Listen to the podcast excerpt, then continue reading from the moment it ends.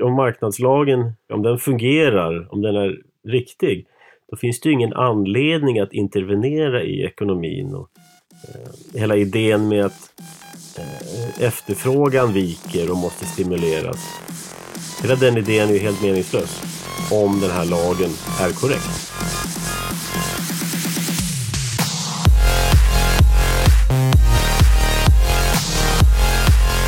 Radio Mises 101 avsnittet. Idag är den 4 november 2017. Och med oss har vi professorn. Hej Per Bylund. Hej hej! Kul att vara med igen. Mm. Det var lite tag sedan. Ja, det var det. det jag trodde jag skulle bli portad där från Radio Mises ett tag. Nej då, det är ingen fara. Ehm, idag ska vi prata om fake news i ekonomin. Vi brukar inte prata så mycket nyheter här längre. Det finns ju andra poddare som gör det bättre än vi. Men jag såg en grej här i veckan som... Ja, det, det är bara för bra helt enkelt för att inte kommentera. Visste du att eh, Vinnova har ett unikt samarbete med vissa företag för att motverka falska nyheter inför valet? Fantastiskt, det låter som att det behövs verkligen. Mm. Du växte också upp under kalla kriget som jag var, gjorde du inte det? Mm, jo visst. Du, du kanske också kommer ihåg att eh, ryska myndigheter, sovjetiska myndigheter hade ett unikt samarbete med Pravda för att motverka falska nyheter inför deras val? Ja, det, ja, ja, det är klart. Det är ju uppenbart. Det är väl så med eh, nordkoreanska eh, nyhetskällor också. Det krävs, krävs ju en eh, neutral och stark kraft som, eh, som håller borta eh, lögnerna från media. Och vem ska göra det om inte staten? Mm. Man undrar ju här vilket, vilket parti de försöker... Uh, finns det en speciell riktning i de här falska nyheterna som måste motverkas eller är det bara allmänt falska nyheter som väljarna måste skyddas ifrån? Fast de ska nog skyddas egentligen från vissa idéer rent allmänt. Jag tror säkert att det är så att, att de kommer censurera Sverigedemokrater mer än någonting annat och hitta andra siffror på vad de säger om invandring eller någonting sånt där. Men sen så är det väl allmänt emot Alliansens partier också kan jag tänka mig. Det, faktagranskarna får ju väldigt mycket makt. De kan ju mycket väl... Ja, någonting säger mig att det, de som sitter och granskar fakta är de som kan det här med journalistik, det vill säga det är vänstermurvlar, det är miljöpartister och kommunister. Mm. Det är så att 13,5 miljoner kronor ska fördelas på åtta stycken projekt här. Eh, för att bygga en digital plattform för faktagranskningar. Jag vet inte ens vad det betyder men det låter ju modernt och så. Men fyra projekt för finansiering av de åtta och där ingår eh, Sveriges Television, Sveriges Radio, Bonnier, Schibsted och NTM. Ja, då så. Då har vi De där har vi hört talas om förut. Ja, det är ju garanterna för det fria ordet som, eh, som får, får medlen. Det tycker jag låter alldeles rimligt. Det är, mm. det är självklart att ingen annan skulle, skulle få dem för andra de sprider ju inte sanningen. Och de ska tillsammans utveckla fyra projekt. Ett unikt utvecklingsprojekt mot fake news. En automatiserad nyhetsvärdering. Uh, jag vet inte vad det betyder. En personaliseringsmotor för att automatiskt matcha innehåll funktionalitet, design och publicering efter faktiska digitala konsumtionsbehov. Personalisering ska erbjuda nya och alternativa perspektiv i att slå hål på filterbubblor. Okej, okay, så den ska ge dig nyheter som du är intresserad av och slå hål på dina filterbubblor. Eh, ja, jag tycker det låter väldigt intressant att staten ska ge Eh, alternativ till viss medierapportering. Det, det tycker jag det, det, det var, var löjligt. Det är väl det sista staten vill. De vill ju göra sig av med alla alternativen, det är väl det det handlar om. Att det bara ska vara TT och Aftonbladet som, som sprider nyheter. Ja, precis. Sen så har den faktaassistenten här. Eh, ett, automat, ett digitalt verktyg som automatiserar processer och flöden, bla bla bla. Eh, kan användas för att höja kvaliteten och minska risken för att falska och irrelevanta fakta når publiken.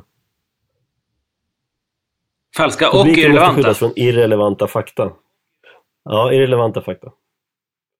Härligt. Jag, jag tycker det Du låter får bara konsumera ett... relevanta fakta. Ja, det är fantastiskt. Jag, jag tycker det låter som ett utmärkt exempel på eh, public choice-teorier där man bara har lyckats få lite extra pengar från staten. De har väl hål att täcka antar jag. Ja, det är så. Sen är det fyra projekt till här. En som ska göra artificial intelligens med sport, idrottsrapportering. Jag vet inte vad det har med fake news att göra riktigt. Ja, för mig som djurgårdare så måste det ju uppenbart vara så att när, om AIK eller Hammarby vinner matcher så, så det, det tror jag är fel fake news varenda gång. Och det är det säkert också. Så det handlar väl om att vissa, eh, vissa lag upphöjs i media och ges poäng när de egentligen inte vann matchen. Det måste det vara. Det är säkert en konspiration där. Ja, den här ska i alla fall ge skäl till automatiserade matchtexter i form av citat, bilder och analyser från idrottarna själva. Det är tur att de får pengar för att göra det här av, av staten, eller hur? Ja, fast någon måste ju ändå garantera att det, är, att det är en neutral rapportering och att det finns fakta. Och då menar jag inte, inte alternativa fakta utan riktiga fakta att tillgå någonstans. Det måste ju staten vara garant för. Vem skulle annars vara det? Mm. Jo, det är väl så kanske. Sen, sen är det en till här. Media Diet. Skapa smart navigering av nyhetsflödet. Användarvänligt, relevant, enkelt nyhetsflöde. Alltså hur skiljer det här sig från internet i övrigt? Det är för mig oklart. Det låter ungefär som staten skapar sin egen Twitter eller någonting. Va? Det är väl lite som eh, statens egen hamburgerrestaurang Klock förut. Att vi måste ha en egen som staten styr över för annars blir det allt för mycket påverkan utifrån. Då kan vi inte kontrollera det riktigt. Du vet det franska telebolaget, Televerket, de utvecklade ju också en sån här, ett eget internet. Eh, Minitel tror jag det hette. Just det, det minns jag Folk faktiskt. hade liksom terminaler hemma man kunde, ja, man kunde beställa biobiljetter och teater på. Och sånt. Ja, vad hände med det projektet? Är det kvar? Ja, det överlevde ganska länge tror jag, för den fick väl skattepengar länge, men till slut så kom internet ikapp, även i Frankrike. Och sen här den sista då, applikation för specialgrafik i filmproduktion för kommunikatörer. Rallarsving Communication. Får lite pengar också. Mm, det låter ju frihetligt. Och här eh, och, och Datastory, ett verktyg för datadriven journalistik som ska göra det att visualisera flera öppna datakällor och hålla information uppdaterad på ett automatiserat sätt. Alltså, nej, nu måste vi prata om någonting annat. Det här är bara för dumt. Ja. Fake news, Per. Mm. Du skrev en art- artikel här i september om fake ekonomi. Mm. Precis, det finns Eh, mycket och, sånt. eh, Det, handlade... Ja. Det handlar om Seys lag. Eller som han egentligen heter, Jean-Baptiste på franska. Men vi säger Say på engelska. Va, vad går den lagen ut på? Ska du förklara kort? Eh, ja, det, det är väldigt mycket som man skulle kunna förklara om det där. För det mesta är egentligen eh, fake news, om man säger. Eh, det ena är hur, så som folk tror att Seys lag, vad, vad, vad den innebär. Vilket är att tillgång skapar sin egen efterfrågan om man använder eh, den strofen som är vanligast. Men det är också fake news att det var Jean-Baptiste Say som, som myntade begreppet eller som var den som kom på den här lagen. Säga. Så, så bägge är egentligen falska, vilket gör det lite intressant. Men, men den spelar en väldigt, väldigt central roll i, i hur nationalekonomin har utvecklats eftersom att Keynes som ja, tronföljare, eller vad man ska säga, till Malthus och, och Marx och hela den sidan såg det som ett av hans mål med, med hans stora verk att, att slå hål på Seys lag. Och han ans- Vissa hävdar, Steve Cates till exempel, som är, är, har forskats väldigt mycket på Seys lag och var den kommer ifrån och vad, vad his, den egentliga historien är. han säger att den här general theory som Keynes gav ut 36 eh, egentligen har ett enda syfte och det är att slå hål på Say's lag. Så den är ju väldigt viktig då från både den onda och den goda sidans eh, perspektiv. Varför var det så viktigt för, eh, för Keynes att slå hål på den här? Vad hade han emot den? Ja, problemet är ju att den, den visar på att marknaden har en inneboende ordning och att marknaden har en, en egen balans som upprätthålls utan politisk makt. Om man då vill ha ett samhälle där staten ska lägga allting till rätta och där man kan skapa en ekonomi som man känner för det, så måste man ju i så fall slå hål på sig slag. Därför att om marknaden har en balans, om det inte finns någon inneboende kontradiktion i kapitalismen som, som den här sidan ofta hävdar, så har ju de ingenting att argumentera för längre. Det, det är egentligen en helt politisk, eh, politiskt baserad eh, ståndpunkt. Medan Seys lag inte är politiskt baserad. Seys lag är egentligen uppenbar i sig. Det finns, finns liksom ingen, inget sätt att slå hål på den. Lite grann, jag tänkte på namnet av den här, det är lite grann som Pythagoras sats. Den är också äldre än Pythagoras själv, men det är han som har fått bära, eh, liksom få ta heden då av det här. Finns det någon speciell anledning till att Jean-Baptiste Say har fått eh, den här uppkallad efter sig? Det vet jag faktiskt inte. Jag har inte sett någonting om det. Det, det, det har hävdats på vissa håll att Jean-Baptiste Say, i alla fall i efterhand, anses vara den som uttryckte den här lagen på klarast, tydligast möjliga sätt. Och att det var därför då som, som den har, har kallats det.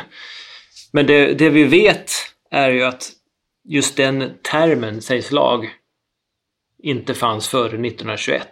Och då publicerade Fred Taylor en bok, en, en eh, lärobok om jag minns rätt, om nationalekonomi där, där den här lagen omnämns som, som sägs lag. Innan dess hette, hette den bara The Law of Markets. Därför att det, det är så grundläggande och fundamentalt för hur en marknad rent allmänt fungerar. Så alla bara hänvisar till den som The Law of Markets. Mm. Eh, så hur kan man bäst sammanfatta då vad den, vad den säger? Ja, det den säger är, är egentligen ganska uppenbart när man hör det första gången fast man måste nog prata om implikationerna för att förstå hur, hur fundamental den är egentligen. En sak man kan säga är att produktion föregår konsumtion. Eh, vilket ju är väldigt uppenbart. Att du, du, må, du, kan inte konsumera någonting som har producerats än. Men eh, det gäller ju rent fysiskt medan vi vet också att eh, en ekonomi är ju liksom ett, handlar om subjektiva värden, inte nödvändigtvis om de fysiska produkterna i sig. Eh, utan, men det som är egentligen det fundamentala i det här är beteendet som folk har på en marknad och hur man agerar. Och det Seislag egentligen säger där är att, att ens produktion utgör ens efterfrågan.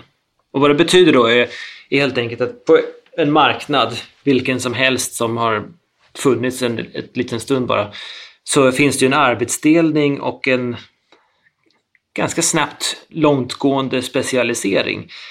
Eh, där man, man fokuserar på att producera någonting som, som man vet eh, man kan sälja på marknaden Eh, så att man sen kan köpa det man egentligen vill.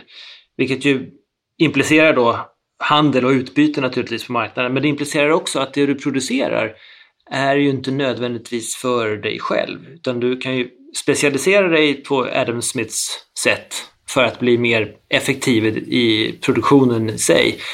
Men det handlar också om att du producerar det du är väldigt bra på. Och det är egentligen i, linje med det David Ricardo argumenterade för med komparativa fördelar och så här.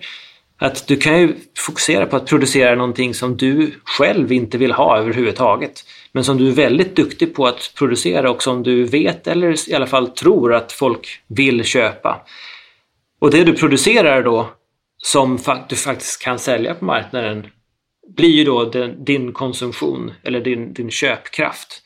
Så det du producerar och, och lyckas tillfredsställa andras behov med är ju din köpkraft. Vilket då för med sig att överlag över hela marknaden så är egentligen aggregate demand, det man pratar om, det Keynes pratar om väldigt mycket, eller den totala efterfrågan, är ju samma sak som den totala eh, tillgången, det vill säga den totala andelen produkter som, som eh, kan säljas på marknaden. Per definition, det finns inget sätt att argumentera emot det. För om, din köpkraft är ju givetvis de pengar du får in när du säljer saker. Mm. Men jag söker fortfarande en koncis definition. Ja, det skulle vara att ens produktion utgör ens efterfrågan. Så min produktion utgör min efterfrågan? Eller köpkraften för min efterfrågan? Eller? Ja, det, problemet här tror jag är egentligen termerna som används. För om man ska översätta direkt från engelskan där flest, mest av den här litteraturen finns så är det egentligen att one's supply constitutes one's demand. Och det översätts egentligen till tillgång och efterfrågan på svenska då, men, men det blir lite lurigt i hur termerna, för termerna betyder ju någonting utöver det de betyder ekonomiskt sett. Så egentligen så är det intäkterna från ens produktion utgör ens köpkraft. Just det. Så här var det för mig. Jag vet inte, den dagen jag insåg det egentligen triviala eh, i att även om jag jobbar och får pengar i lön eller vad jag får, så är ju pengarna bara en mellanstation. I slutändan så säljer jag mitt, min tid per timme. Och med den tiden köper jag mat och husrum och nöjen. Um, och pengarna är bara ett, ja, ett bytesmedium. De har egentligen ingenting att göra med min köpkraft. Köpkraften det, det, det, det är mina timmar som jag säljer. Är det en eh, korrekt... Är det, var det Sayes lag jag kom på då? Mm, det tycker jag att det var. Och, och jag menar, när, när du säger det så så blir det ju ganska uppenbart för de flesta att det är klart. Liksom. Det är väl inget konstigt med det där. Och, och det är väl precis därför som ingen egentligen eh, utöver Malthus och Keynes har försökt att ens argumentera emot det för det, det är så uppenbart. Liksom. Men det, jag tycker precis, det är helt klart sägs lag som du, som du kom på där att det, det du gör är ju ett medel för att konsumera eller tillfredsställa dina behov. Men om du inte tillfredsställer dem direkt, det vill säga att om du inte ligger på alla fyra och äter bär eller om du är hungrig, utan istället arbetar för att tillfredsställa behov över tid, så, så är det sägslag. Precis, för att den här tanken är ju... För mig så var den väldigt revolutionerande. Därför att eh, pengar Eh, det, det, när man försöker resonera kring de här sakerna, det kan skapa oerhört mycket förvirring. Man tror att man inför massa nya magiska parametrar och rörliga delar när pengar kommer till. Men egentligen är det ju inte det. Pengarna är bara ett mellanled. Ja, visst är det så. En, en del av eh, den keynesianska kritiken, nu minns jag inte exakt vad Keynes själv sa för någonting, men han hittar ju på en väldig massa själv. Men, men eh, från den keynesianska sidan i alla fall, så handlar kritiken om att nej, med, med pengar så gör det att eh, Seis lag inte upprätthålls längre. Och därmed kan vi strunta i Seis lag. Helt enkelt därför att du kan mycket väl handla på krita till exempel. Eller du kan få ett lån från banken eh, och därmed kan du öka din konsumtion idag fastän du inte har producerat någonting än. Men jag tror att det, det är lite grann en halmgubbe. Därför att anledningen till att du kan låna några pengar idag är ju antingen är det en gåva från den du, du, du lånar ifrån för han anser inte att han kommer få tillbaka pengarna. Eller så är det för att du redan låter den andra personen få rätt till din produktion framöver. Det är inte så att du, du lånar pengarna och aldrig och, och ingen tror att du någonsin kommer att betala tillbaka det eller att du ens försöker. Utan den, den stämmer ju fortfarande. Så Seis lag ska inte tolkas eh, som en slags kronologisk lag. Utan den ska tolkas som att det, det enda du har att, att konsumera eh, för är ju din produktion och den köpkraft som du genererar genom produktion på marknaden. Oavsett när den sker egentligen. Mm. Jag, jag brukar alltid rekommendera människor som... När jag, när jag försöker lära någon att tänka ekonomiskt så brukar jag börja så här. Steg ett den här eh, broken window fallacy. Tänk igenom det noga. Och steg två brukar jag säga, tänk bort pengar. Tänk, du producerar någonting med din tid och, och det material du har till ditt förfogande och du köper varor och tjänster med det här. Och med de två insikterna, att ingenting är gratis. Eh, man kan inte, man kan inte krossa fönster och bli rik. Den ena. Och den andra är, tänk bort pengar. Då kan du tänka ut ja, åtminstone 90 procent av alla ekonomiska resonemang. Du kan slå hål på de flesta politiska idéer och resonemang med de två grundidéerna. Mm, det håller jag med om. Uh, och det, det, du egentligen säger där är ju egentligen tänk på alternativkostnaden och säg slag. Ja. Så vad, vad blir konsekvensen av, eller man säger så här, vad blir konsekvensen om man lyckas avfärda sägslag? Vad kan man då hitta på? Eller innan vi säger det förresten, behåll den tanken, så skulle jag vilja säga, om vi använder det här på det resonemang du nämnde, det vill säga att om man inför pengar då kan man eh, införa krediter, då gäller inte längre Sveriges lag. Men du kan även tänka dig ett, eh, ett vikingasamhälle där man byter pälsar mot bronsyxor eller vad, man, vad det nu är. Va? Även där kan man ju ha kredit. Även om man inte har pengar. Ja, visst. Jag kan säga, jag, jag säljer den här yxan till dig nu. Nästa år när vi ses på den här marknaden så vill jag ha fem pälsar. Ja, det ser jag inget problem med alls. Men du kan ju inte låna ut någonting som inte redan har skapats. Någon som har producerats. Nej, kan du inte göra. Men kredit kan du ju ha redan innan det finns pengar menar jag. Så, så att om, om, Keynes säger att på grund av att det nu finns pengar och därmed kredit så gäller inte längre Sveriges lag. Som att idén med kredit skulle falsifiera Sveriges lag. Eh, det håller ju inte eftersom du kan ha kredit även utan pengar. Att, ja, exakt. Ja, det gör det. Jag, jag, om jag minns rätt så, så var det Piero Sraffa som, som eh, pratade om, om komplexiteten som inträder med pengar och, och den biten. Jag är inte helt säker på huruvida Keynes pratar om det eller inte. Men oavsett vilket så det, det är oerhört mycket missförstånd på den kanten. Och jag tror att missförstånden är delvis i alla fall, och det är egentligen det Steve Cates argumenterar för också, att de vill inte förstå den. Därför att om, om de följer vad David Ricardo eller John Stuart Mill och alla de här pratade om när de hänvisade till the law of markets. Om de följer det så faller hela deras politiska idé. Och de ser ju hellre att ideologin eh, har en chans att testas och, och bli det styrande än att man förstår ekonomi rätt. Ja, alltså om, om, om the law of the mark om marknadslagen, som vi kanske kan säga på svenska, om den fungerar, om den är riktig, då finns det ju ingen anledning att intervenera i ekonomin. Och, eh, hela idén med att eh, efterfrågan viker och måste stimuleras. Hela den idén är ju helt meningslös om den här lagen är korrekt. Ja exakt och det får ju väldiga konsekvenser för hela det politiska maskineriet i hela världen egentligen om, om man skulle godta Sveriges lag.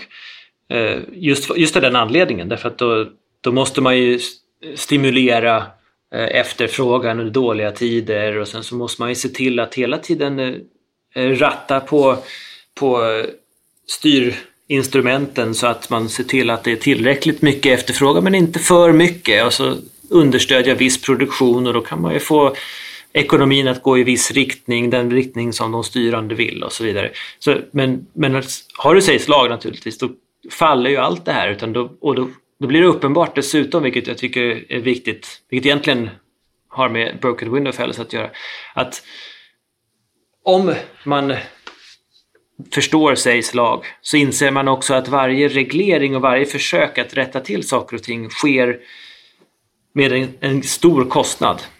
Och det, det hänvisade ju Mises till också, så att varje reglering har ju två problem egentligen. Det ena är att man, man når inte det resultat som man siktar på. Och det andra är att man skapar nya problem genom regleringen.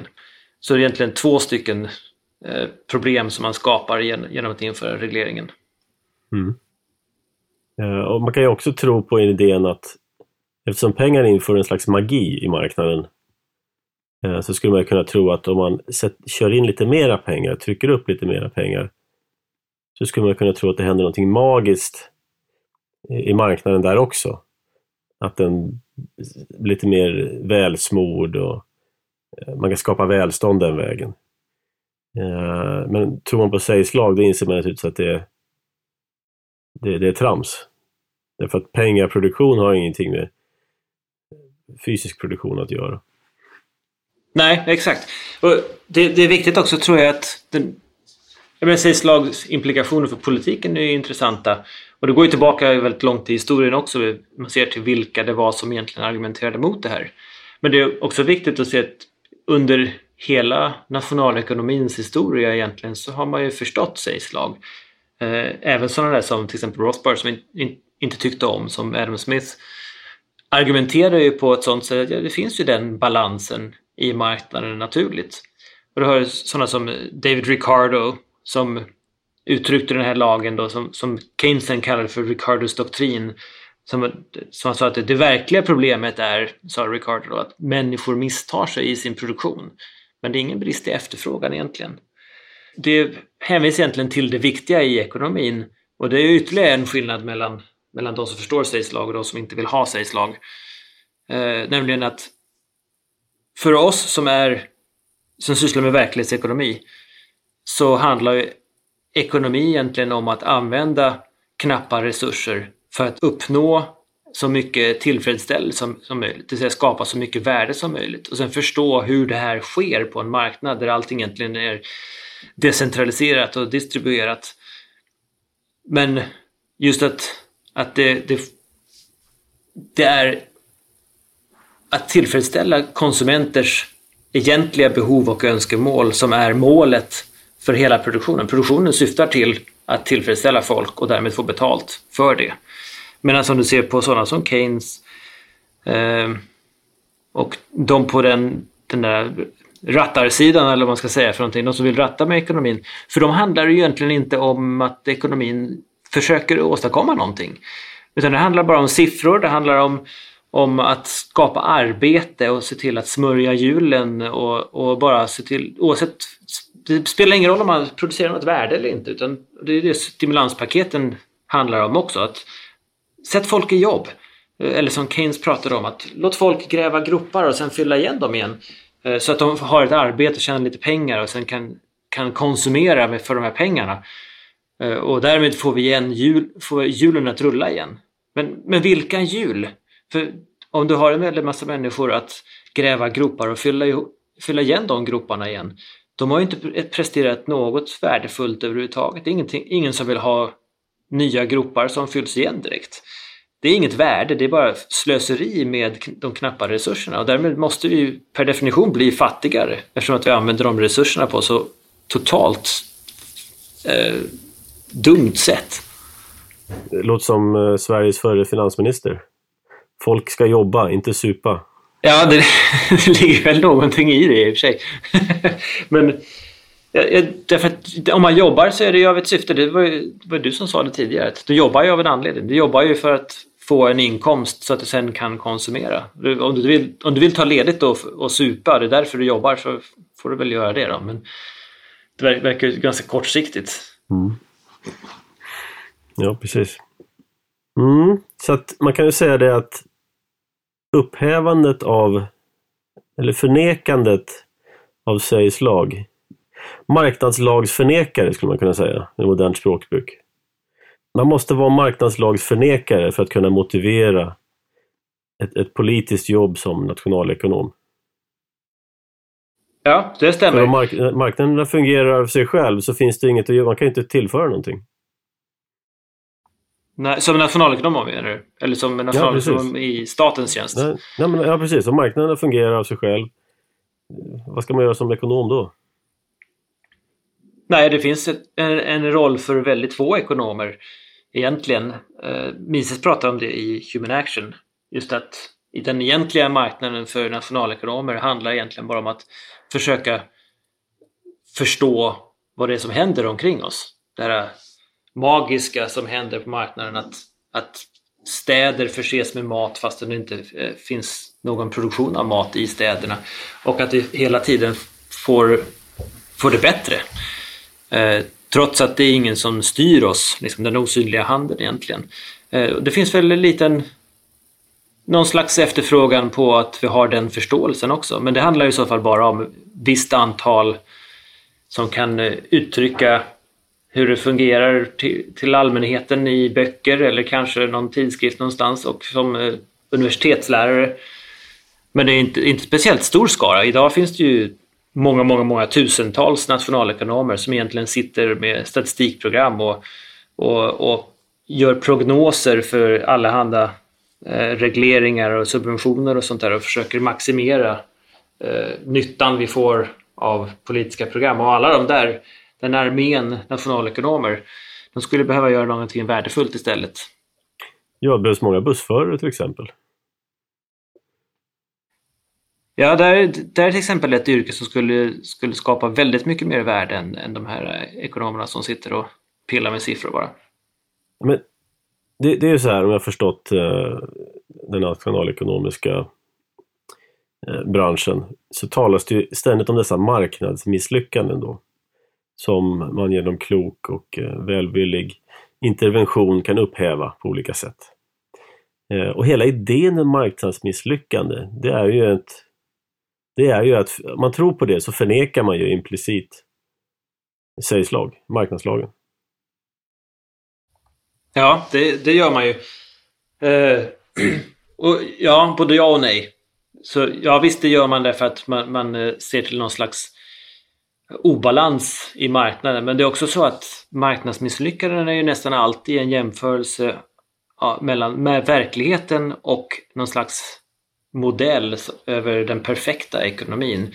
Det är så här, den här perfekta konkurrensekonomin där alla har perfekt information och så vidare och därmed så har man ingen inget slöseri någonstans och det är ingen som behöver testa någonting. Det är ingen som behöver Eh, utveckla nya produkter eller någonting sånt heller för allting är redan klart.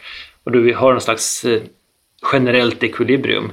Och jämfört med det så har du ju massor med marknadsmisslyckanden. Eh, marknaden är ju ett misslyckande jämfört med sådana sådana modeller. Men de modellerna är ju helt irrelevanta för vilket samhälle som helst med människor i.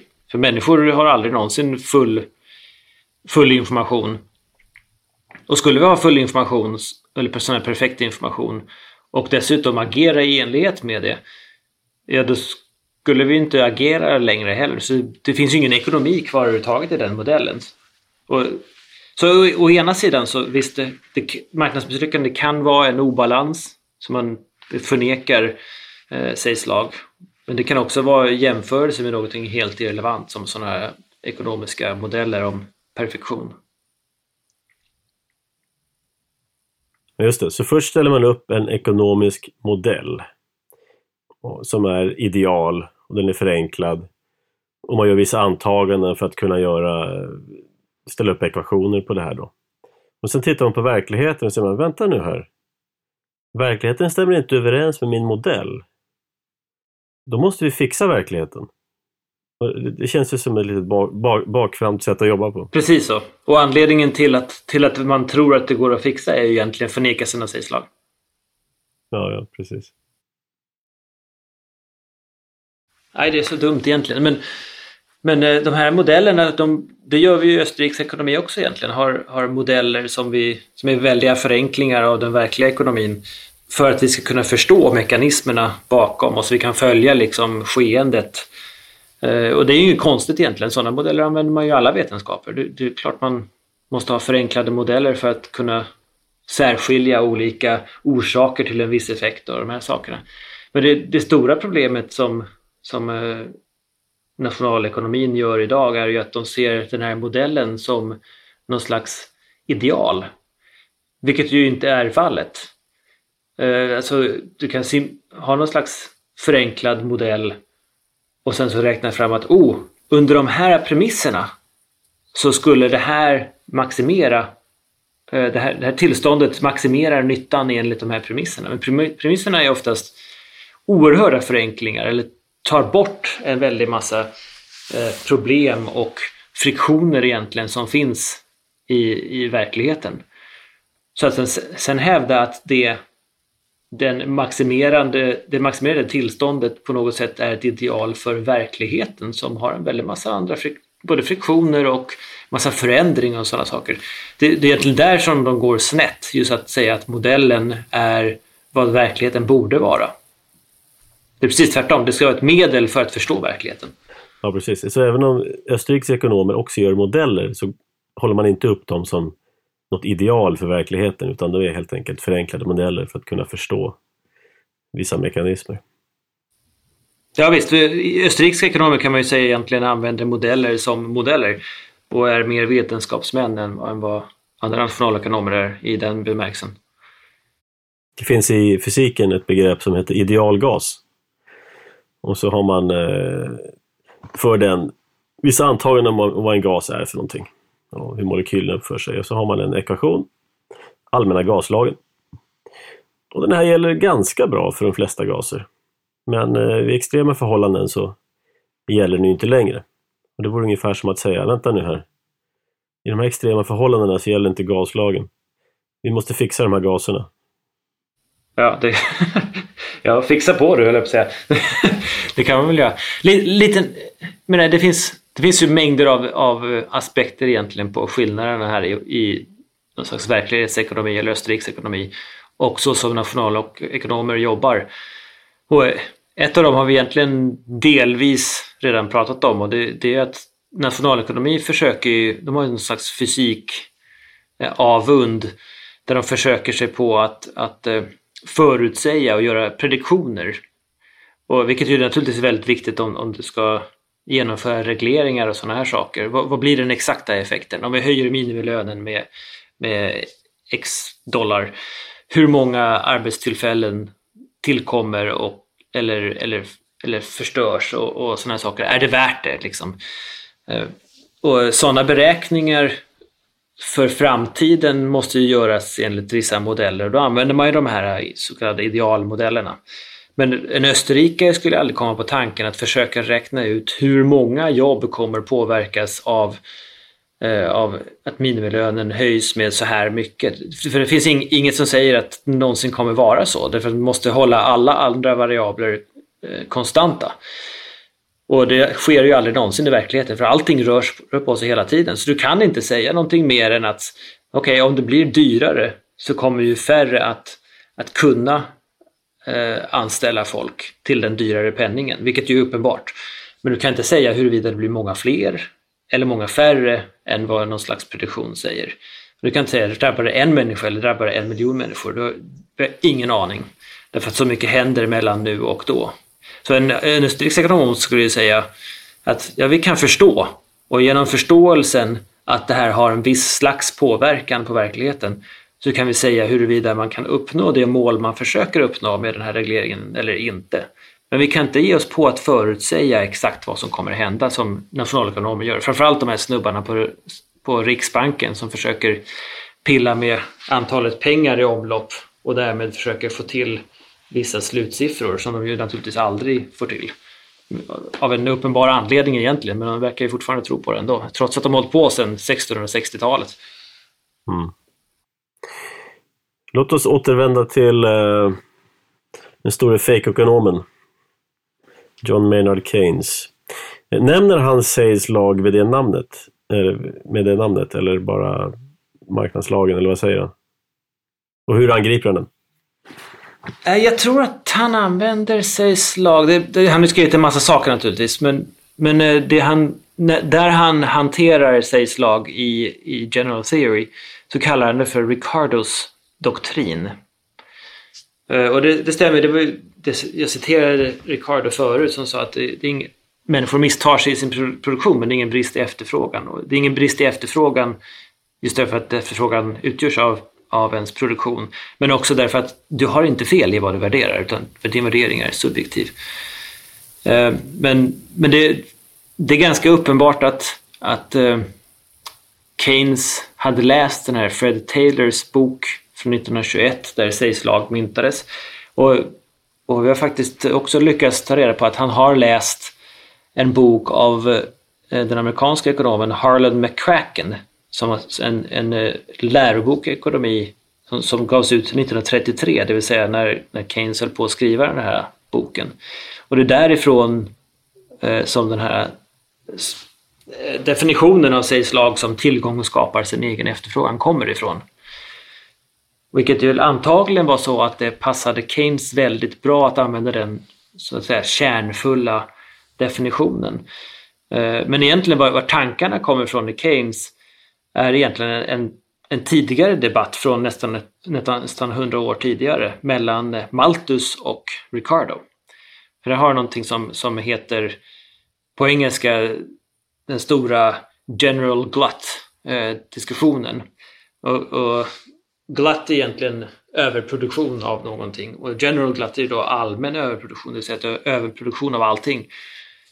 Och frågan var ju då huruvida det är möjligt eller inte i en ekonomi. Och det, det är egentligen det som är Keynes teori om kraschen också. Om eh, konjunkturcykler, eller konjunkturnedgångar i alla fall. Nämligen att det är allmän över, överproduktion vilket leder till att, om du ser det från andra hållet då, att det är allmänt för lite efterfrågan och därmed så drar du igång en, hela cirkusen med att du måste avskeda folk vilket leder till ännu mindre efterfrågan och du avskedar ännu fler och sen så drivs hela ekonomin ner i någon slags eh, depression. Men där, där, i diskussionen mellan Ricardo och Malthus så Ricardo var benhård, kallade egentligen Malthus för dumhuvud som trodde att man kunde ha en allmän överproduktion. Därför att det, det var ingen som trodde på, han är väldigt tydlig i, i den korrespondensen de hade liksom och avfärdade helt och hållet Malthus som typ, nästan låtsasekonom. Uh, just, just för att han, han, han vägrade ge med sig med den där biten. Det är egentligen baserat på någon slags sägslag eller marknadslagen. Men att du, du kan ju inte efterfråga någonting om du inte har bidragit med någonting eller bidrar med någonting som är av värde. Och den efterfrågan du har, din köpkraft, är helt och hållet vad du har bidragit. Och om det är fallet så kan du ju inte ha eh, för lite efterfrågan. Därför att din efterfrågan är precis samma som det du har bidragit med i marknaden. Det kan vara så att enskilda entreprenörer och företagare producerar saker som folk inte vill ha. Men, men det, det är egentligen ingenting som, som motsäger sägs lag alls. Eh, därför att det, de förstod naturligtvis att det finns en massa företag som går omkull och de pratade till och med att det, ja, det är klart de ska gå omkull. Det är väl inget konstigt. Eh, men det, det är precis det som Ricardo pratade om, att man misstar sig i sin produktion. Och det betyder ju då att, att eh, man också inte har någon köpkraft på marknaden, eller entreprenören har inte det i alla fall. Det finns... John Stuart Mill pratar om, han har fundamentala teser om kapital och en av dem, den fjärde då, är tydligen föremål för mycket diskussion. Den säger att efterfrågan på varor är inte efterfrågan på arbete. Vilket är direkta motsatsen till vad Keynes och Keynesianer pratar om när de säger att ja, men efterfrågan skapar arbete. Och det, man kan egentligen tänka sig typ att, att ja, om vi efterfrågar en väldig massa varor så måste ju någon sätta igång och producera dem vilket betyder att vi måste anställa fler människor. Men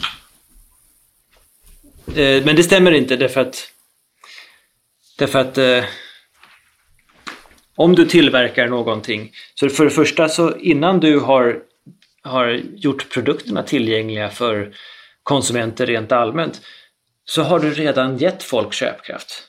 Därför att en entreprenör spekulerar ju naturligtvis i huruvida människor vill ha en iPhone X eller vad det nu är för någonting.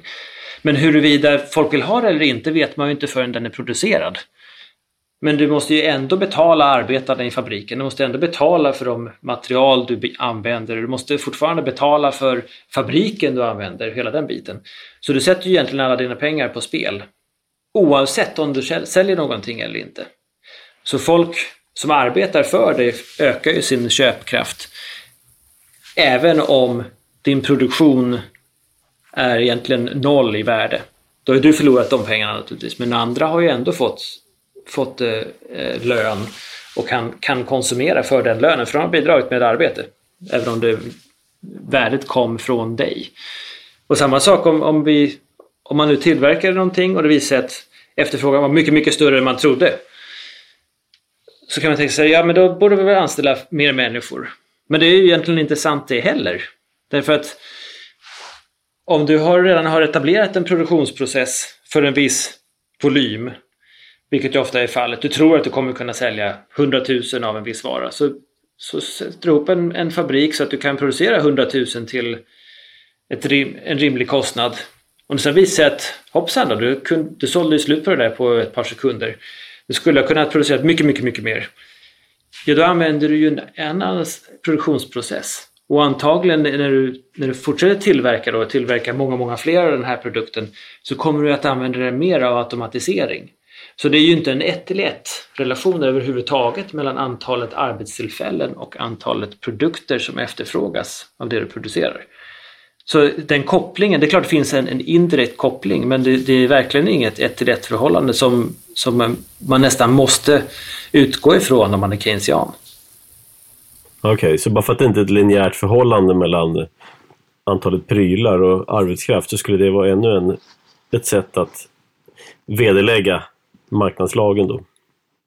Jag hävdar att det är, är någon slags ett till ett förhållande är, ju, är ju mm. någon slags vederläggning eller förnekelse av den lagen. Och jag menar det... Eh, Keynes pratar ju om att, om att eh, han hittar på en väldig massa i sin bok egentligen. Det, det är oerhört ohedligt det han sysslar med. Men han hävdar ju vissa saker som till exempel att, att de klassiska ekonomerna, de ekonomerna innan, innan 1871, eh, Eh, de eh, trodde inte på det här med, med eh, ekonomiska kriser. Och de utgick ifrån att, att det alltid var full sysselsättning. För annars så passade det inte deras modeller. Vilket ju är totalt nonsens. De förstår ju allihop att det fanns kriser. Det, det finns väldigt tydligt hos John Stuart Mill och andra när de pratar om, om kriser där folk tvingas ur arbete och sådana här saker. Trots att de förstod marknadslagen.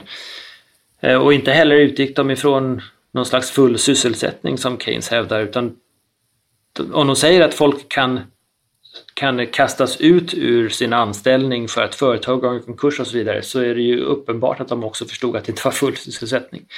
Så Keynes hittar på en väldig massa. Det, det ligger då väldigt mycket i det som, som Hayek säger vid, i en av intervjuerna att Keynes var inte speciellt påläst vad gäller ekonomi. Han var väldigt smart men han, han var inte speciellt påläst vad gäller ekonomi. Han förstod inte ekonomi speciellt bra. det är rätt stöddig formulering måste jag säga. Om, om en av vår tids stora ekonomer. Ja, visst är det det, men samtidigt så, jag menar Hayek, han, han debatterade ju en del med Keynes och de eh, recenserade varandras böcker och sådana här saker lite grann. Så han hade ju ganska bra inblick i huruvida eh, Keynes visste vad han pratade om eller inte. Men det sägs ju att, att vi kanske ska se som ett stort misstag att Hayek inte hoppade på General Theory när den kom. Och där har ju Hayek sagt någonting i efterhand om att ja, men det, han ansåg det inte vara viktigt därför att han har hoppat på alla de tidigare böckerna och visat på det nonsens som, som eh, Keynes skrev om. Eh, men varje gång han påpekade bristerna så ändrade Keynes helt uppfattning så det gick liksom aldrig att mm. motbevisa honom utan han bara fortsatte med eh, och hittade på någonting annat då istället. Vilket ju naturligtvis, det säger ju en del om vilken vilken sorts vetenskapsman Keynes var. Att han byter åsikt hela tiden så fort han får det minsta lilla mothugg. Eller, han, han, skrev liksom sina, sina idéer och teorier innan han tänkte igenom dem helt och hållet. Innan han gjorde någon slags efterforskningar. Mm. Så hans efterträdare har förmodligen tagit hans, hans skrift på för alldeles stort allvar. Hade de pratat med honom eh, livslevande så hade han säkert kunnat ändra uppfattning om många av de här sakerna. Ja, hade han levt längre så hade det kanske mot... Han sagt emot sig själv också. Jag förstår så har han väl gjort det. Det är därför det finns en väldig massa keynesianska skolor. Men du har ju neo-keynesianerna och du har de traditionella keynesianerna och du har post-keynesianerna och du har hur många sådana här keynesianska skolor som helst. Och de håller ju inte med varandra naturligtvis. Det är lite grann som eh, vilken vänsteraktivistisk rörelse som helst som splittras, splittras i fraktioner eh, dagligen nästan. Och de håller på med samma sak på keynesianska ekonomisidan. Att de har olika tankar om olika saker och finner väl stöd antagligen i, i Keynes böcker för det de säger. Det tror jag säkert att de gör. Kan man säga att keynesianismen förökar sig genom delning? Ja, det kanske man kan göra och det är väl väldigt snabb delning också då. Så det liknar väl kanske en cancersvulst snarare än att det är vanlig celldelning. Ja. Så, så, vad säger han här nu? Vad säger han om Keynes äh, sägs lag här? Varför stämmer den inte? Du har nämnt några saker, men ska vi ta zooma in på vad det är? Hans starkaste argument mot den. Ja, alltså det starkaste argumentet följer egentligen genom att eh, helt eh, felaktigt definierar den. Nämligen det, genom det, det som han, han eh, hämtade från Harlan McCracken. Då, att, att lag säger att tillgång skapar sin egen efterfrågan. Vilket ju därigenom implicerar full eh, sysselsättning. Därför att om tillgång skapar sin egen efterfrågan så kan du bara fortsätta producera en massa. Och då skapar det efterfrågan också. Så det, vilket ju betyder att det kommer aldrig någonsin kunna vara så att, att eh, det finns för lite efterfrågan eller att du producerar fel eller någonting sånt där. Och därigenom följer ju ganska mycket av, av, av det Keynes eh, hävdar. Att du, du har inte full sysselsättning och det kan vara hans, hans, eh, han säger ju att det, det, kan vara så att tillgång inte skapar sin efterfrågan och om det då blir generellt ett problem, problem att all produktion övergår eh, all konsumtion eller efterfrågan på alla produkter så du har för mycket av allting. Eh, då blir det ett problem och då måste alla de här som är anställda inom produktionen eh, avskedas. Men det sägs om, man förstår sägs lag så, så är det, det här bara dumheter. Därför att de alla producerar alldeles för mycket av allting. För det första så är det en väldigt konstig situation i en, i en verklighet där alla resurser är knappa så kan du ju inte producera för mycket av allting. Då har alla gjort någonting väldigt fel så har vi plötsligt är vi i Edens lustgård eller någonting där det finns så mycket resurser som helst. Eh, men sen spelar det ingen roll, även om det skulle ske att alla producerar för mycket så är ju inte det det som Sales lag handlar om. Sales lag handlar ju om köpkraften du får av så om ingen kan sälja en endaste produkt, och säger att efterfrågan är noll på, på den produktion som sker, så håller sig lag fortfarande. Därför att du har noll köpkraft då. Mm. Ja, just det. Så att eh, det han gör är det som, som det heter på internet nu. Han sätter upp en halmgubbe, så dödar han den och sen så eh, är vägen öppen för interventionistisk ekonomi. Ja, precis. Jag tror att hans timing var nog väldigt rätt också. För på, av, på något sätt så hamnar han i... Det är samtidigt med depressionen. Så alla vill ju se någon slags sätt som, som du kan... En, en stark politisk ledare kan träda ut liksom som, och som räddaren. Så den, den önskan finns ju liksom och där kommer Keynes med en ekonomisk teori som säger att ja, det går. Vi måste bara låna pengar och sen så, sen så kan politikerna bli, bli, bli helgonförklarade mer eller mindre. Så den tajmingen var rätt. Det var också rätt i nationalekonomins ut, utveckling egentligen. För 1930-talet, där 36 när boken ges ut, det är strax efter eller samtidigt som du har de här Joan Robinson och, och alla de här som börjar använda matematik till till att eh, skapa och formulera modeller. Så då den här med Eh, monopolistisk konkurrens och sådana här saker som, som hittas på då och används som modeller som man räknar på för att se liksom, vad, vad är optimum och, och vad, är, vad är resultatet av, av sådana här, sån här påverkan på marknaden. Så det, det är egentligen mycket som händer samtidigt. Men du har behovet i politiken, du har det allmänna kaoset i depressionen. Eh, nationalekonomin har börjat bli matematisk och har börjat, börjat få det här eh, fysikavundet och, och vill kunna förutsäga och vill kunna mecka med, med ekonomin och, och skapa vissa, vissa resultat.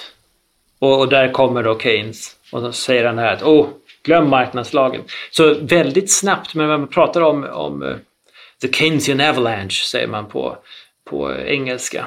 Vad blir det? det blir keynesianska snöskredet eller någonting. Eh, som bara, där allting bara hänger med egentligen.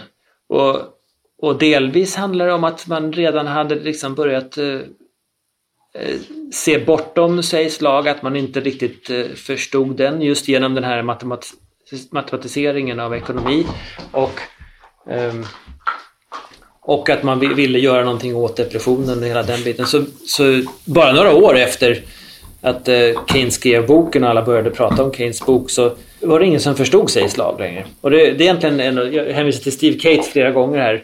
Delvis för att jag har, har mejlat en hel del med honom. Eh, men delvis också för att han som egentligen har, som har blottlagt mycket av den här historien hos Keynes lag och var den kommer ifrån. För det är många som har skrivit om Keynes lag. Thomas Sowell har skrivit en, en eh, bok om Seis lag som handlar om Seis lag. Och men I den så försöker han ju ta reda på vad, vad, vad Sayes lag betyder egentligen. Men samtidigt, han använder ju den här definitionen, tillgång skapar sin egen efterfrågan. Och, och det, det, är svårt, om du har blivit skolad som nationalekonom idag, så är det väldigt svårt att se igenom din egen ryggsäck på något sätt. Och, och ta av dig de glasögonen och, och, och förstå dig på vad det egentligen var de sa för någonting. För, för eh, du, du har lärt dig de här ekonomiska modellerna, du har lärt dig att, att beräkna de här sakerna, du har lärt dig att, att, titta på prediktioner och allting sånt här snarare än att, än att förstå marknaden som en process. Och du har, det finns ingen tanke på entreprenören längre till exempel i modern nationalekonom. Det är inte mer överhuvudtaget. Det finns ingen som hittar på nya produkter. Inge, det finns liksom inget, inget flöde i ekonomin utan det enda flödet som finns är det, det, det cirkeldiagrammet som, som används i undervisningen. Det är allt. Det keynesianska cirkeldiagrammet med staten i mitten. Ja, det blir, precis. Det blir lite så. Jag, menar, det, jag tror många grundkurser i nationalekonomi börjar med det, det, cirkelflödet eller vad det kan tänkas heta för någonting eh, på svenska. Med, med att du gör företag, de anställer folk och för det arbetet så får de, får de betalning i lön. Och företaget producerar produkter som de säljer till arbetare för betal mot betalning. Och då har du liksom ett flöde av pengar och varor åt olika håll i den här cirkeln. Då.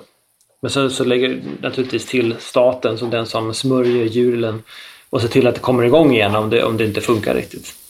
Mm. Jag menar, cir cirkelflödet är ju det är ju nonsens det också. Det är så mycket dumheter bara som, som de använder som, som om de vore riktiga. Och dessutom som ideal för verkligheten ska klämmas in där på något sätt. Mm. Ja, alltså cirkelflödet kan man ju titta på. Visst, det går varor åt ena hållet och det går pengar åt andra hållet. Men, men sen då? Det säger ju liksom ingenting.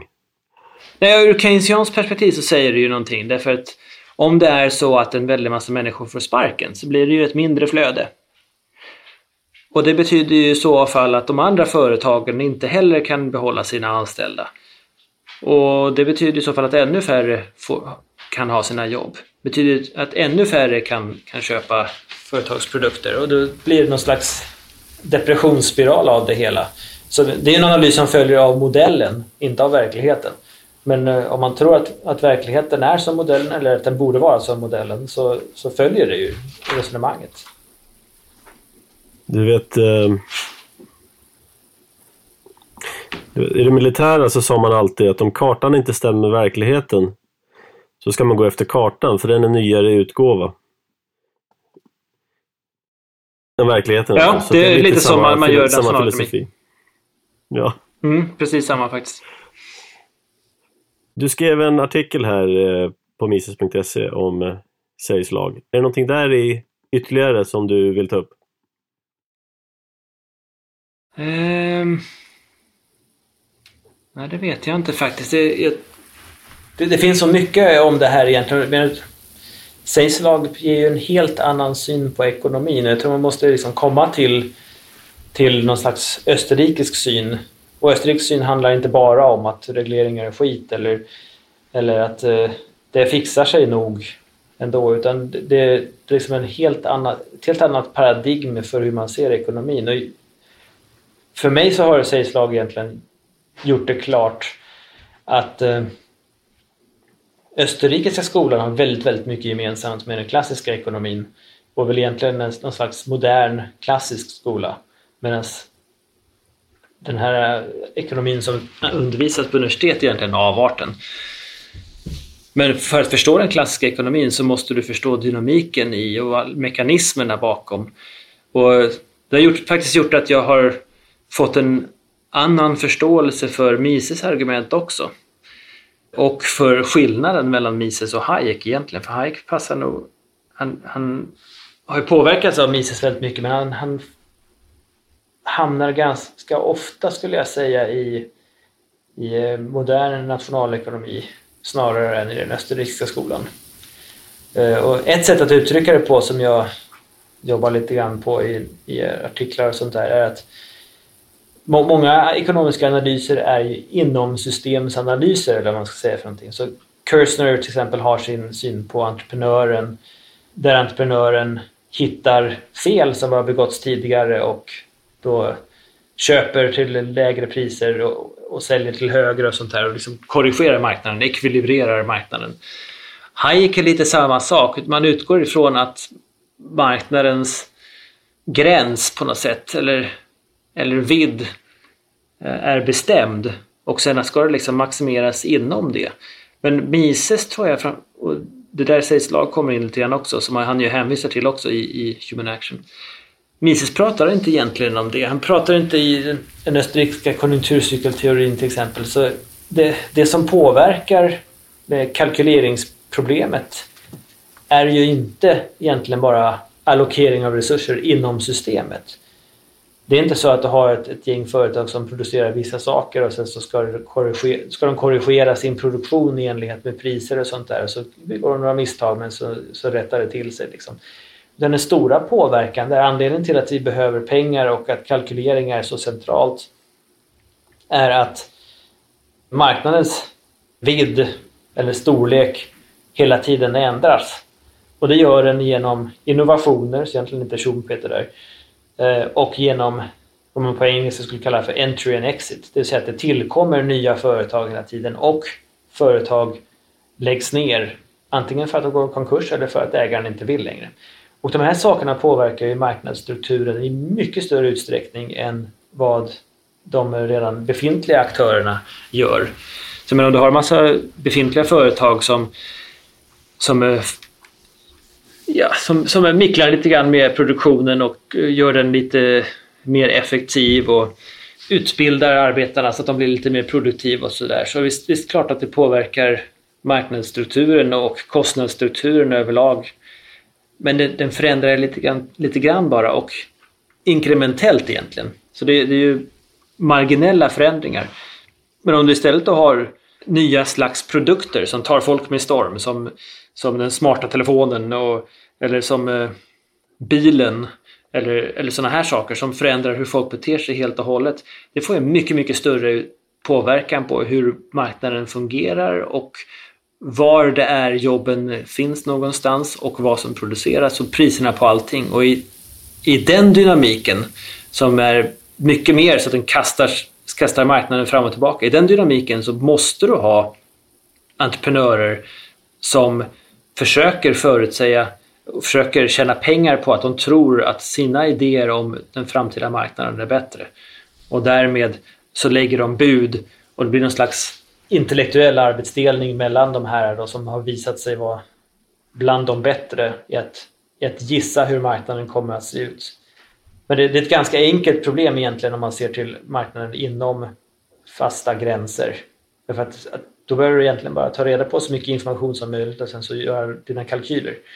Men om det, om det är så att, att eh, gränserna flyttar sig hela tiden så är det ett mycket svårare problem. Och då, då då finns det inget argument mot Mises, eh, Mises argument att socialism är omöjlig heller. Du kan inte argumentera emot det därför att det, det är uppenbart och det följer egentligen av Say's lag. Det finns en väldigt intressant koppling där tycker jag. För Hayek pratar ju mycket om att det är kunskapen som inte är jämnt fördelad. Det, eh, den perfekta kunskapen finns inte. Och, och det här tyder också på att ja, marknaden är färdig och mer eller mindre i balans. Men det är bara kunskapen som skiljer oss åt. Kunskapsöverföring och sådär. Ja visst. Um, ja, och det, visst kan man se det som att ja, visst, folk har inte kunskap om allting men de har kunskap om eller tror sig ha kunskap om framtiden. Och du, du kan ju naturligtvis beskriva allting i termer av kunskap om du känner för det, vilket ju många hayekianer gör. Men Hayeks argument, men ser man till hans artikel från eh, 1945 tror jag då, The Use of Knowledge in Society, som är en av hans jättekända artiklar, så pratar han ju där om hur, hur prismekanismen skapar kunskap. Därför att det enda entreprenörerna behöver göra är att, är att eh, revidera sina produktionsplaner när priset förändras. De behöver inte veta vad som har hänt utan, utan de kan bara, bara reagera på att priserna förändras. Det är ju ganska typiskt egentligen eh, mainstream nationalekonomi. Därför att det är ett system där, där marknaden inte förändras drastiskt egentligen på något sätt. Det är någonting som händer någonstans och så får det lite effekter på priserna och alla reagerar på priserna. Men var sjutton kommer prisförändringarna ifrån då? Prisförändringarna kommer ju från att, att entreprenörer har förutsett någonting eller, och, och gissar och spekulerar att det kommer att ha vissa förändringar. För annars kommer ju priserna inte förändras heller. Det kommer bara bli brist på produkter. Så det är liksom enökt på ett väldigt underligt sätt. Låt oss eh, avsluta med lite mer Keynes här då, för att eh, han menar ju att vi ser den här general glut, den allmänna överproduktionen, och det var inte han som uppfann det begreppet heller, men när man ser det här och så konstaterar man att ja, marknaden fungerar inte, marknadslagen eh, den är, den är fel eh, och därför måste vi intervenera här. Det, det, den vikande efterfrågan måste ersättas med artificiell efterfrågan då från staten. Så att folk inte blir arbetslösa och så blir det en negativ spiral där. Så staten måste då träda in och stödja upp det här. Eh, om man tror på marknadslagen, hur ser man då på det här med general glut? Vad kommer det av och vad ska man göra? Ja, det finns inte. Eh, det är väl det enkla svaret. Att general glut finns inte därför att om nu alla producerar någonting som ingen vill ha så bidrar inte det till ens köpkraft. Så det kommer fortfarande vara så att tillgång och efterfrågan egentligen är, är de samma totalt sett. Men om man ser så, om man ser att massor med folk blir arbetslösa, eh, de får lämna hus och hem och företagen fortsätter producera men ingen köper. Då drar man ju slutsatsen att det, nu är det liksom generell överproduktion här. Eh, vad, vad, säger, vad ska man säga då? Hur, hur uppstår sån här general glatt Överproduktion? Ja, det, det, är faktiskt intressant därför att det är någonting som att, att folk går i konkurs lite då och då, att entreprenörer misslyckas i sin produktion är ju egentligen ingenting konstigt. Det som är konstigt är ju att de plötsligt gör det i väldigt stor volym. Vad är det som, som triggar att, att plötsligt så har alla gjort fel beräkningar? För det är det det handlar om. Eh, medan i vanliga fall så, så är tillräckligt, mång, tillräckligt många har tillräckligt rätt för att de ska täcka sina kostnader och fortsätta producera och tillfredsställa människors behov. Det är så det normalt sett ser ut. Och det är det, är det Sägs lag säger också. Eh, om det plötsligt är så att, att många misslyckas, då är det ju någonting som har gjort att deras syn på marknaden förändrats. Det vill säga det måste finnas någon orsak som ligger utanför marknaden egentligen. Att det går lite upp och lite ner sådär, det är, i, i vissa branscher kanske framförallt, det är inte så konstigt. Jag menar att, att, eh, att, att drosktillverkningsbranschen gick sitt öde till mötes i och med T-Forden. Jag menar, det är ingen som tycker att det är speciellt konstigt. Sånt sker hela tiden. Men det ödelade inte ekonomin. Och menar, där kommer ju... Vad är det som gör att alla entreprenörer plötsligt misslyckas? Ja, det är någonting som gör att de tror fel om framtiden säga, någonting stort har hänt utan, utanför ekonomin som de inte har fått någon slags information om. Och där kommer ju österrikiska konjunkturcykelteorin in. Att anledningen till att de gör fel är att, att någon har förstört eh, de signaler som finns naturligt på marknaden. Eh, och Mises pratar ju där om att det är en artificiell ökning av krediter som hamnar på någon marknad och då börjar alla köpa vilt därför plötsligt är pengar väldigt billiga jämfört med vad produkter kostar. Och då köper de som galningar och börjar producera en väldig massa, investerar i produktionsprocesser och så vidare. Och sen så vid något tillfälle framöver så kommer vi in så att hoppsan då, det, det, det var, var, ju fel. Det fanns inte mer varor bara för att det fanns mer pengar utan priserna justerar sig och då är det inte längre lönsamt att, att eh, producera alla de här grejerna. Då går en väldig massa entreprenörer i konkurs. De, det ska vi säga att de klassiska ekonomerna hade ju också teorier om, om eh, var sådana här eh, cykler kommer ifrån. Och kreditexpansion är en sån teori som faktiskt fanns innan Mises. Även om Mises teori är mycket, är mycket bättre eftersom att han, han utvecklade den österrikiska monetära teorin också. Som den bygger på. Men de hade andra orsaker till, till att det kan hända. Jag, nu är jag väldigt dåligt insatt på vad, vad de orsakerna är, men de hade en uppsättning som de diskuterade. Men det, men det, det som är gemensamt för dem allihop är att eh, det är någonting som har hänt som har gjort att folk misstar sig i, i sina spekuleringar och att de gör det en masse. Och eh, i Keynes värld så är det någon psykologisk um, process, animal spirits, som rycker undan uh, mattan. Och det är då statens uppgift att sätta tillbaka mattan tills folk har lugnat ner sig, helt enkelt. Ja, precis. På, Eftersom marknaden inte klarar det. Marknaden är misslyckad, så då måste staten träda in. Ja, och delvis kan man väl se den, den slags psykologi som man pratar om på till exempel i börsrallyn och sånt här. Att vid något tillfälle när det går upp, upp, upp, upp, upp väldigt fort så vid något tillfälle så börjar folk misstro framtiden och tänka att det här kan inte fortsätta för evigt. Och därmed vid något tillfälle så börjar folk sälja av mer och mer och sen så går det ner därför att alla säljer av och vill kamma hem vinsten och inte, ingen vill stå med Svarta Petter liksom. Att den psykologin finns är väl inget konstigt egentligen. Men att den skulle styra hela ekonomin och all produktion är ju ganska larvigt. Du, kommer, eh, du kan observera den där effekten på Stockholms bostadsmarknad här nu närmaste framtiden. Animal spirits. det låter väl rimligt? Ja. Eh, det här påminner mig, det här med överproduktion påminner mig också om, eh, det var när jag jobbade i finansvärlden så jag var analytiker för vissa aktier, gruvbolagsaktier.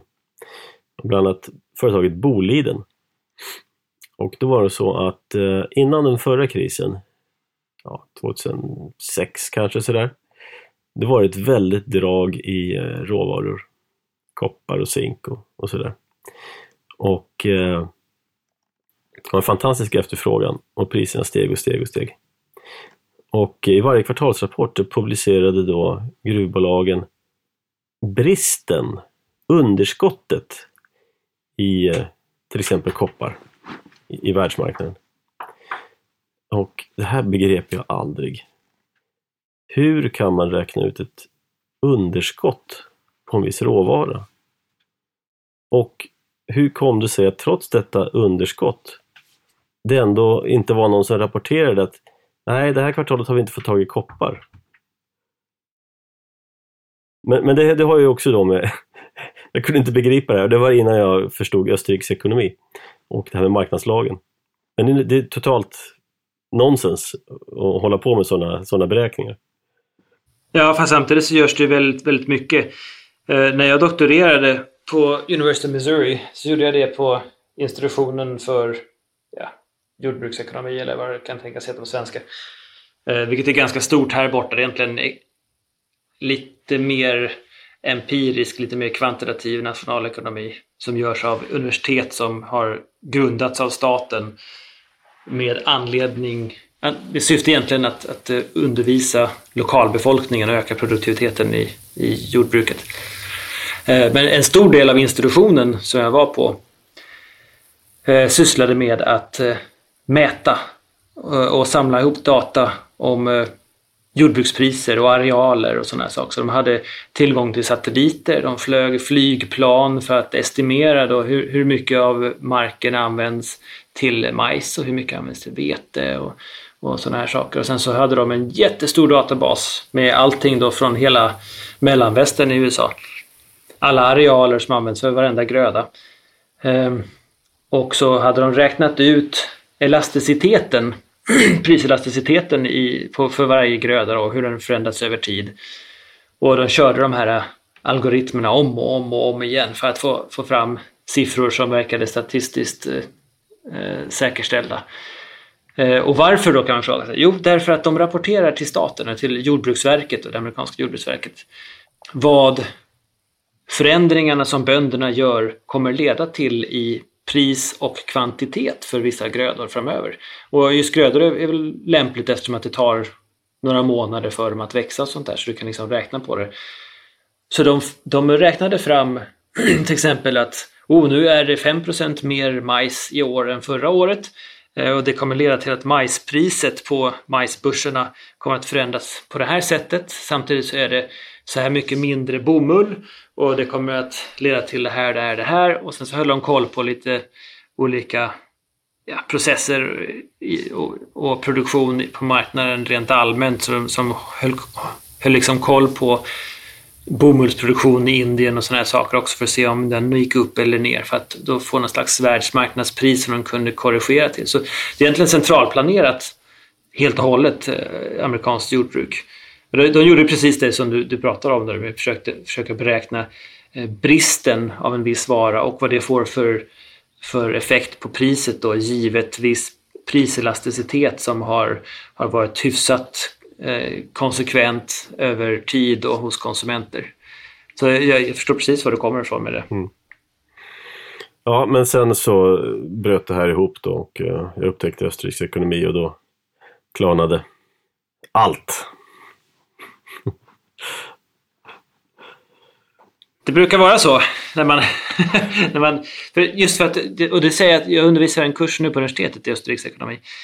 Och kommer faktiskt undervisa ett doktorandseminarium på, med samma ämne under hösten. Men eh, jag säger det till dem också att, att ekonomi handlar inte om att syssla med siffror och försöka göra prediktioner utan det handlar om att förstå vad det är som försiggår egentligen och var olika fenomen kommer ifrån och vad som, vad som kan vara orsaken. Och men det, så fort man läser Österrikes ekonomi så börjar man få sån här grundläggande förståelse. Precis som du sa, sa, tidigare om broken window fallacy och den biten. Om du har de två bitarna så kan du egentligen resonera själv till hur du bör förstå ekonomin. Och det blir som att tända ljuset. Mm. Plötsligt så ser du ju direkt hur saker och ting hör ihop och vilket oerhört skitsnack det är på tv hela tiden. ja, precis. Ja, bra Per. Mycket intressant. Något sista ord innan vi avrundar? Någonting vi har glömt? Ja, det vet jag faktiskt inte om vi har. Vad gäller sägslag, frågan är väl om det, om det sägslag är klart för Radio Mises lyssnare eller inte. Om jag bara strular till det, det är väl mycket möjligt. Men eh, det, är ett oerhört viktigt begrepp i alla fall. Även om det anses motbevisat så, så är det fortfarande centralt för att förstå ekonomi. Man kan säga att marknader är alltid i balans med sig själva. Det finns ingen eh, Marknader misslyckas inte.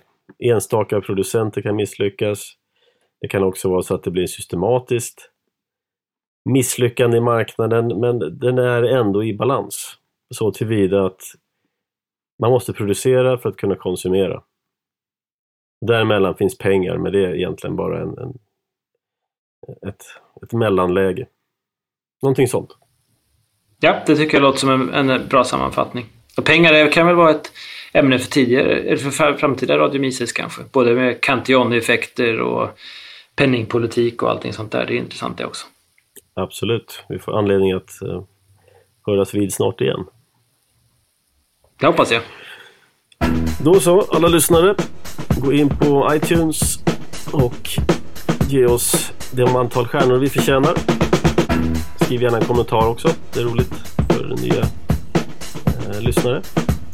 Hör gärna av er. Radio.mises.se Kommentera, dela och så vidare och så vidare. Ni kan...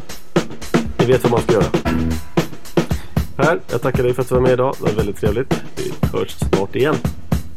Absolut. Tack så mycket och hej då. Hej.